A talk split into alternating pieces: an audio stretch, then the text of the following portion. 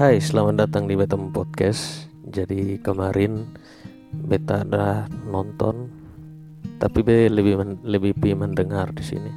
Beta kemarin ada dengar satu konten dari Bang Raditya Dika tentang sebuah cerpen yang berjudul Gerimis. Beta subscribernya Bang Raditya Dika Sulama be nonton dia konten-konten dari zamannya malam miko miko itu sekitar tahun 2012 2013 sampai sekarang. Dan cerita pendek yang di upload oleh Bang Raditya, Raditya Dika tentang percintaan ini terkhususnya putus cinta berjudul Gerimis ini menurut beta lumayan mengena dengan beta begitu. Jadi beta akan membawakan versinya beta tapi besok akan pakai logat Kupang di sini. Jadi mari kita mulai. Oh ya sebelumnya beta minta permisi dulu di Bang Raditya Dika walaupun dia mungkin son dengar beta pung minta izin nih. Tapi beta akan membawakan dengan beta pung gaya. Judulnya Gerimis nanti beta rolling di deskripsi untuk yang mau buka video YouTube dan via aplikasi Medium. Toko utama kita bernama Alfred atau sebagaimana teman-temannya memanggilnya Kampret. Di antara pertemanan sesama cowok, memang ada kecenderungan membuat nama keren yang susah-susah dikasih oleh orang tua menjadi lebih culun. Di SD dia dipanggil Alfred. Di SMP dia dipanggil Kepret. Baru di SMA dia dipanggil Kampret. Nama ini terbawa terus sampai sekarang saat dia sudah kerja di sebuah perusahaan telekomunikasi di Jakarta. Anehnya, ketika temannya berkunjung ke rumah dan bertemu orang tuanya, temannya bilang, Kampret ada om. Bapaknya Alfred malah menjawab, Oh ada tuh di dalam. Seolah mengamini bahwa anaknya sejenis kelelawar pemakan buah. Alfred adalah sosok pria yang ketika kamu berpapasan di supermarket, kamu tidak akan pernah ingat sama sekali kamu pernah berpapasan dengannya. Dia adalah orang yang biasa saja, berba berbaur dengan keramaian, menyatu dengan oksigen. Tidak ada yang tahu bahwa dia punya bekas luka di tangan kanannya, hasil bermain di comberan ketika kelas 6 SD. Tidak ada yang tahu dia suka baca novel detektif. Alfred adalah tipikal orang yang tiap kali dia potong rambut, tidak ada satupun orang yang sadar sampai rambutnya panjang lagi. Sekarang Alfred sedang patah hati. Di tengah pandemi seperti ini, ternyata ada yang lebih buruk di tahun 2020 bagi Alfred. Dia baru saja diputusin oleh pacarnya selama lima tahun belakangan ini. Nama perempuan itu adalah Lisa. Tempat terjadinya pemutusan secara tidak berkepri pacaran itu adalah di kamar Alfred pukul 11 malam. Alfred baru saja selesai menonton episode terakhir drama Korea. Hai, bye mama. Handphonenya berbunyi. Isi WhatsAppnya sederhana dari Lisa. Aku rasa sudah waktunya kita selesai. Dengan polos, Alfred membalas. Selesai apa? Selesai. Kita harus akhiri cerita cinta ini. Lisa mutusin Alfred dengan bahasa yang sangat baku. Seolah dikutip langsung dari lagu cinta yang ramai di radio. Respon Alfred saat itu biasa saja. Dia hanya bilang, "Ya sudah, kalau kamu maunya begitu." Sesungguhnya dia sudah melihat ini akan terjadi seperti mengendarai sebuah mobil di sudut bisa melihat dari jauh kalau lampu lalu lintas akan menjadi warna merah. Alfred hanya tidak menyangka waktunya secepat itu. Dia sudah punya feeling karena setiap kali dia meminta ketemu dengan Lisa, Lisa tidak mau. Alasan Lisa, sekarang kan lagi pandemi. Nanti kamu bawa virus. Bahkan ketika Alfred menawarkan untuk swab test, seharga seperlima dari gajinya setiap bulan, Lisa masih tidak mau. Jangan, kata Lisa. Siapa tahu swab testnya salah. Lah, namanya swab test kok bisa salah? Tanya Alfred. Ya namanya manusia, tidak luput dari kesalahan. Begitu ucap Lisa. Anehnya Lisa masih nongkrong sama teman-temannya. Update di story Instagram dengan teman yang lain tanpa masker. Pakai stiker good vibes only atau I love Friday. Postingan tersebut juga tidak di close friend yang membuat Alfred bertanya-tanya. Kenapa Lisa tidak berusaha menyembunyikan hal tersebut dari dirinya? Seolah ada sinyal yang dia mau berikan. Setelah Lisa mau bilang, gue emang gak mau ketemu lo lagi. Tapi ya sudahlah, mungkin hubungan dia dan Lisa harus berakhir. Begitu pikir Alfred. Walaupun lima tahun rasanya waktu yang terlalu lama untuk diakhiri dengan sebuah kalimat sederhana. Ketika diputusin, Alfred tidak nangis. Tidak, dia hanya duduk, memeluk bantal Iron Man kesukaannya, lalu tidak merasakan apa-apa. Aneh ya, bagaimana putus cinta biasa digambarkan dengan perasaan yang sangat sakit, tapi kali ini yang terasa justru sebaliknya hampa. Seperti seseorang yang baru saja dipukul di kepala, mungkin respon pertamanya adalah kok gak sakit ya? Eh, tiba-tiba gelap aja, pingsan di tengah jalan. Itu yang terjadi. Tepat lima jam setelah diputusin, badai memori menabrak pikiran Alfred. Dia menangis hingga dia tidak mengenali suaranya sendiri. Alfred menangis cukup keras untuk ukuran laki-laki 24 tahun. Alfred masih tinggal dengan orang tuanya dan orang tuanya mendengar suara tangisan itu dari kamar mereka. Bapaknya mengetuk pintu kamar, membukanya dan bertanya, "Nak, kamu kenapa?" Bapak Alfred melihat anaknya duduk di atas kasur. Selimut berantakan, air mata membasahi pipinya. Gak kenapa-kenapa, kata Alfred sambil buru-buru menghapus pipinya yang basah kuyup. Bapak Alfred langsung memeluk anaknya erat dan dalam pelukannya sambil melihat laptop yang masih terbuka. Dia berbisik kepada Alfred, Papa ngerti kona, emangnya emang endingnya Hai bye, mama sangat sedih. Alfred yang enggan membenarkan salah paham ayahnya malah menjawab, Actingnya Kim Tae Hee emang bagus banget di situ pak. Satu bulan setelah putus cinta, Alfred pelan-pelan mencoba untuk beraktivitas kembali. Alfred mulai menerima kenyataan bahwa dia di-unfollow oleh Lisa di Instagram. Sebuah konfirmasi bahwa dia memang benar diputusin. Karena di zaman sosial media seperti ini, Putus cinta baru sah jika semua foto dengan mantan telah dihapus dan akun kita telah di-unfollow.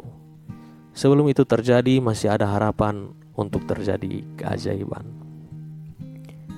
Alfred juga sudah mulai menerima kenyataan untuk memasukkan semua barang dari Lisa ke dalam kotak kardus coklat dan menyimpannya di pojok kamar. Alfred perlahan sudah bisa menerima bahwa dia harus melanjutkan hidupnya Alfred juga tahu di antara hal yang bikin nyesek seperti ini, dia masih bisa bersyukur di tengah pandemi dia masih bisa WFH dari kantor, tabungannya cukup, dan keluarganya semua sehat. Tidak semua orang seberuntung dia. Satu hal yang bikin Alfred susah move on, gerimis. Dalam setahun pertama mereka pacaran, Alfred pernah mengantarkan Lisa pulang Saat itu sedang ada gerimis. Lisa bilang kepada Alfred, "Aku suka gerimis." Pas aja gitu, belum sampai hujan yang bikin orang kedinginan, tapi udah tidak mendung yang bikin orang muram. Gerimis itu hawa yang pas buat aku. Alfred membalas pada saat itu. Gerimis juga saat yang tepat untuk jatuh cinta. Ih, apa sih Nora? Kata Lisa saat itu. Padahal senang dalam hati. Di bawah gerimis sore itu di dalam mobil Alfred, api di dada mereka berdua terasa begitu hangat.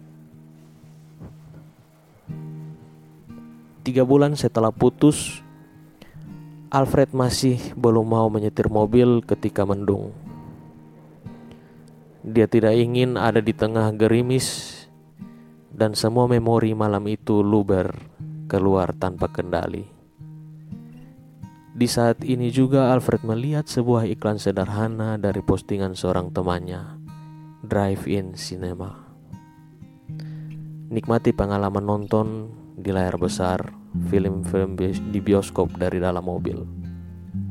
Alfred sudah kangen sekali menonton film layar lebar dan nonton di dalam mobil adalah solusi yang paling masuk akal di tengah pandemi seperti ini. Alfred berencana membawa mobilnya Toyota Corolla tahun 2008 yang dia dengan bangga beli dengan tabungannya sendiri.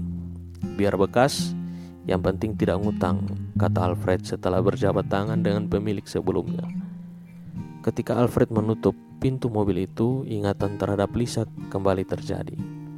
Sekalabat Memori antar jemput Lisa dari kantor ke rumahnya hampir setiap hari terngiang kembali di kepalanya. Air matanya tidak dia sadari kembali menggenang. Di luar, ibu Alfred yang sedang membaca buku di teras rumah melihat anaknya menangis. Pa, kata ibunya, memanggil bapaknya. Ya, ma, kata bapaknya mengampiri. Kayaknya Alfred harus ngurangi nonton drama Korea deh. Bapaknya mengangguk setuju. Mobil Alfred menembus jalanan yang ramai seolah-olah tidak ada pandemi yang sedang terjadi. Dia memasukkan mobil di tengah mobil-mobil lain. Seorang karyawan drive-in datang membawa popcorn. Aroma jagung bakar yang sudah enam bulan itu tidak dia hirup. Ternyata hal-hal kecil seperti ini yang dia rindukan. Maklum, dua minggu sekali dia pergi bersama Lisa ke bioskop. Film yang bermain hari itu adalah Grease, sebuah film tahun 1978. Alfred menyandarkan kursinya, dia melihat film tersebut bermain. Pikirannya justru mengawang-awang. Dia tidak menyimak Gambar yang bermain di depannya terlihat hanya seperti potongan-potongan adegan tanpa arti karena pikiran sibuk berjalan sendiri. Dia berandai, kalau gue masih pacaran, Lisa mungkin ada di sebelah gue. Di tengah-tengah film, tiba-tiba pintu kacanya diketuk. Alfred menoleh ke arah kaca. Jantung Alfred berhenti dua detik saat dia tahu yang mengetuk adalah Lisa. Lisa mengernyitkan alisnya, dia terlihat gusar. Lisa buru-buru ke arah pintu penumpang, dia mencoba membukanya, tapi pintu masih terkunci. Buka kuncinya, kata Lisa. Alfred masih bengong. Buka kuncinya, Fred. Ya, kata Alfred. Ngomongnya agak tergagap, ada di ambang kaget dengan tidak siap. Melihat mantan pacar seperti ini, seperti melihat hantu. Sesuatu yang pernah hidup, tapi sekarang gentayangan. Lisa masuk ke dalam mobil Alfred. Dia memakai baju pink hari itu. Rambut ikalnya terlihat bercahaya diterpa gambar dari layar besar di depan mobil. Alfred masih bengong, tidak siap dengan ini semua. Dia masih belum mengucapkan satu patah kata pun. Kamu ngikutin aku? Tanya Lisa. Suaranya cukup jelas untuk didengar di antara dialog dan musik film yang masih terus bermain. Ngikutin, balas Alfred. Iya, kamu ngikutin aku ke tempat ini. Aku tadi lagi nonton di depan, terus aku lihat ke sebelah kiri ke belakang. Kok ada mobil kamu? Fred, ini serem loh. Gak ada yang ngikutin siapa-siapa, balas Alfred. Terus, kenapa kamu di sini? Tanya Lisa. Ya, seperti semua orang lainnya di sini sih, mau nonton Gris. Kamu ngapain di sini? Sama, seperti semua orang di sini. Ada hening yang tidak enak selama beberapa saat. Kamu gak takut? Tanya Alfred. Takut apa? Ini masuk ke mobil aku. Kemarin-kemarin kan kamu nolak ketemu gara-gara takut virus. Ini sekarang kamu kok bisa langsung masuk ke mobil aku? Lisa tersadar lalu bertanya, tapi kamu di rumah aja kan? Iya di rumah aja gak ke mana-mana, gak ketemu siapa-siapa. Papa mama juga, jawab Alfred. Kamu?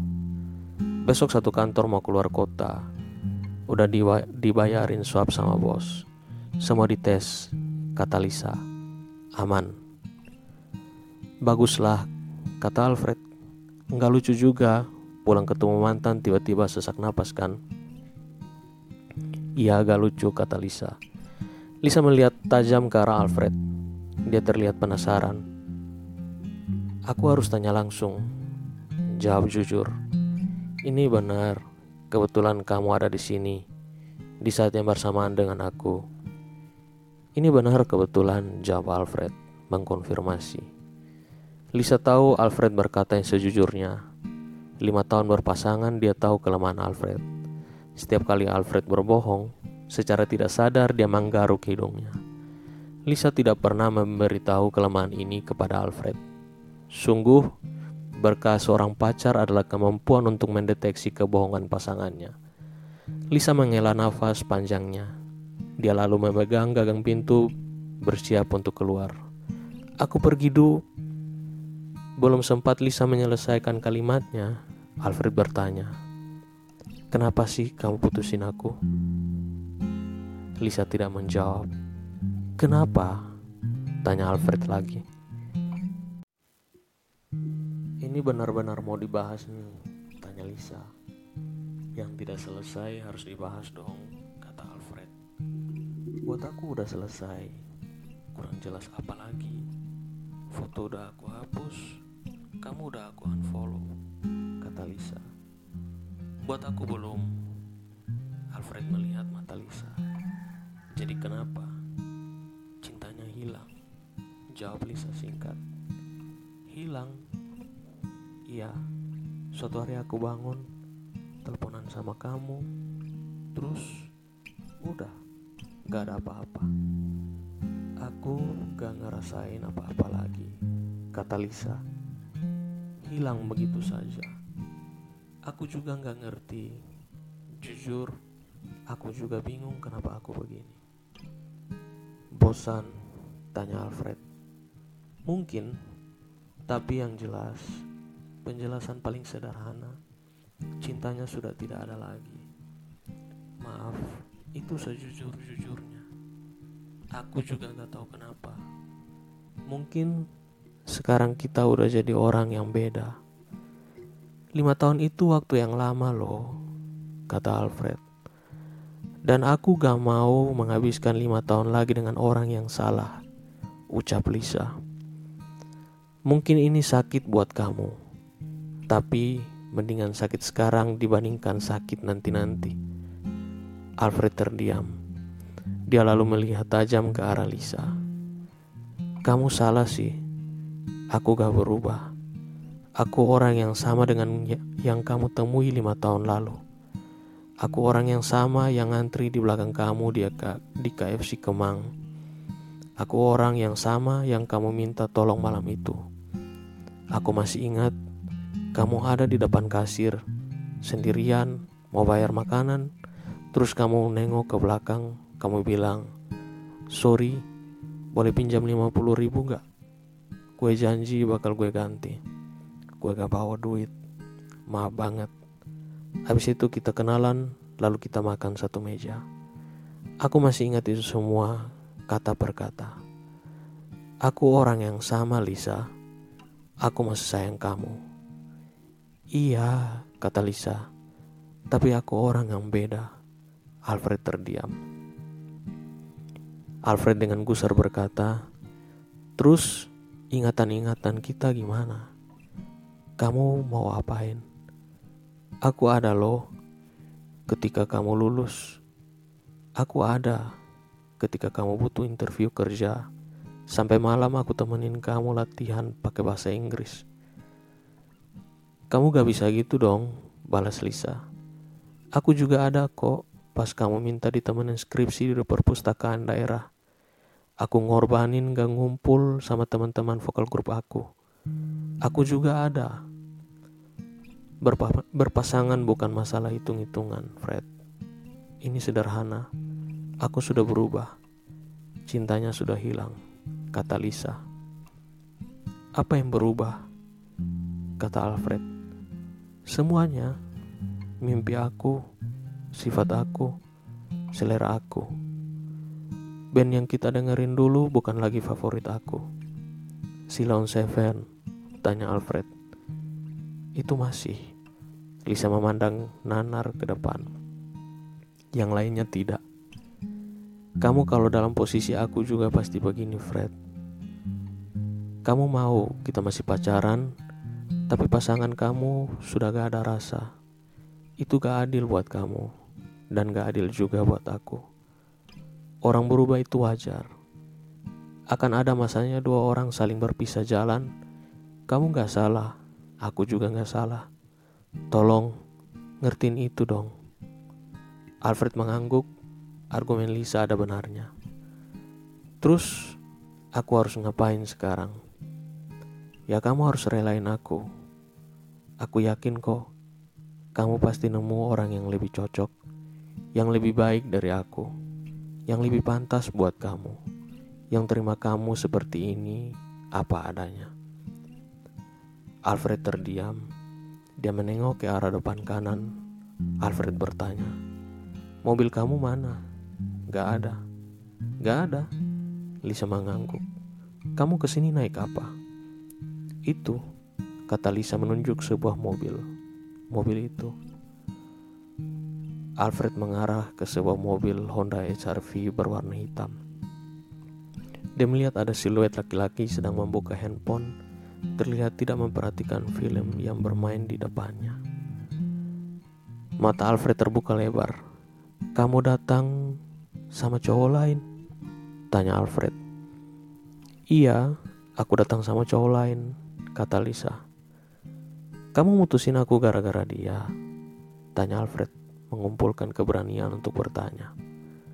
Kalau kamu nuduh aku selingkuh, jawabannya tidak. Aku baru dikenalin minggu lalu. Ini pertama kali kami pergi bareng, kata Lisa. Tenang aja, aku gak sejahat itu.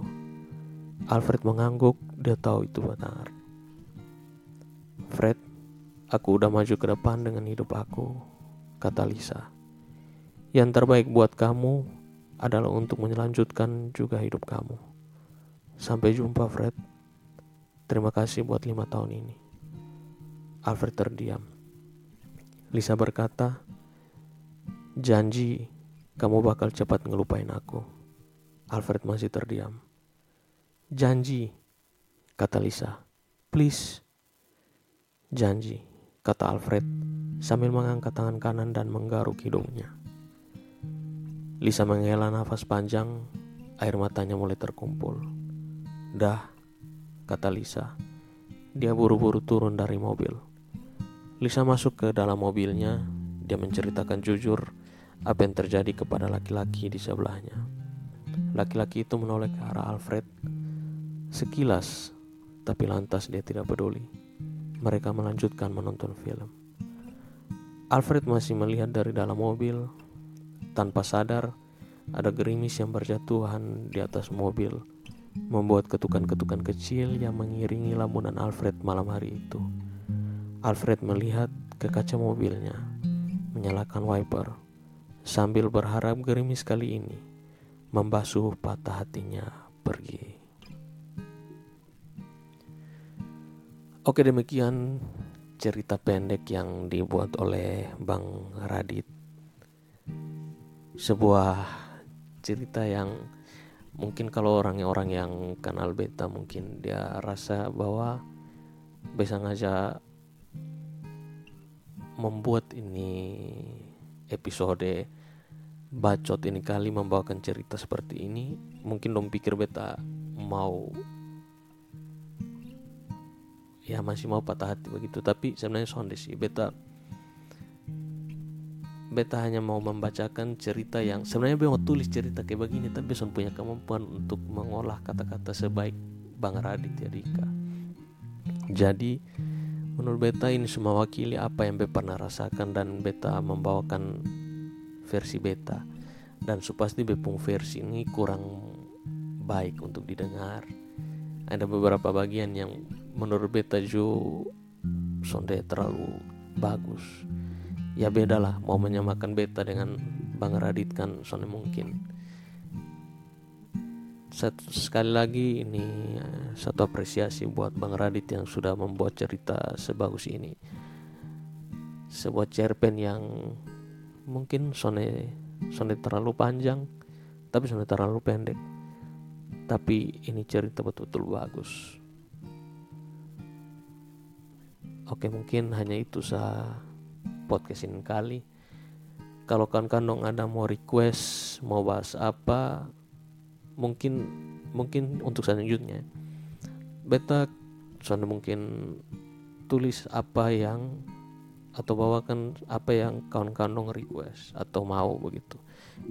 Beta hanya mau menceritakan atau mau membawa satu materi yang pengen beta bawa sebegitu. Semoga apa yang beta keluarkan untuk kawan-kawan itu bisa mengena untuk semua orang. Bukan hanya karena seseorang yang pengen sekali dibawa itu materi. Jadi sampai jumpa di podcast-podcast selanjutnya. Kalau kawan-kawan dong berkenan dengan ini podcast kawan-kawan dong bisa like ada saran mengenai Bebung Gaya menyampaikan mungkin kurang bagus kan kan bisa tulis di kolom komentar atau DM nanti link Instagram betulis di kolom komentar atau di deskripsi. Kalau suka boleh subscribe kalau boleh bisa share juga. Yang suka boleh dislike. Oke sampai ketemu di podcast podcast selanjutnya. God bless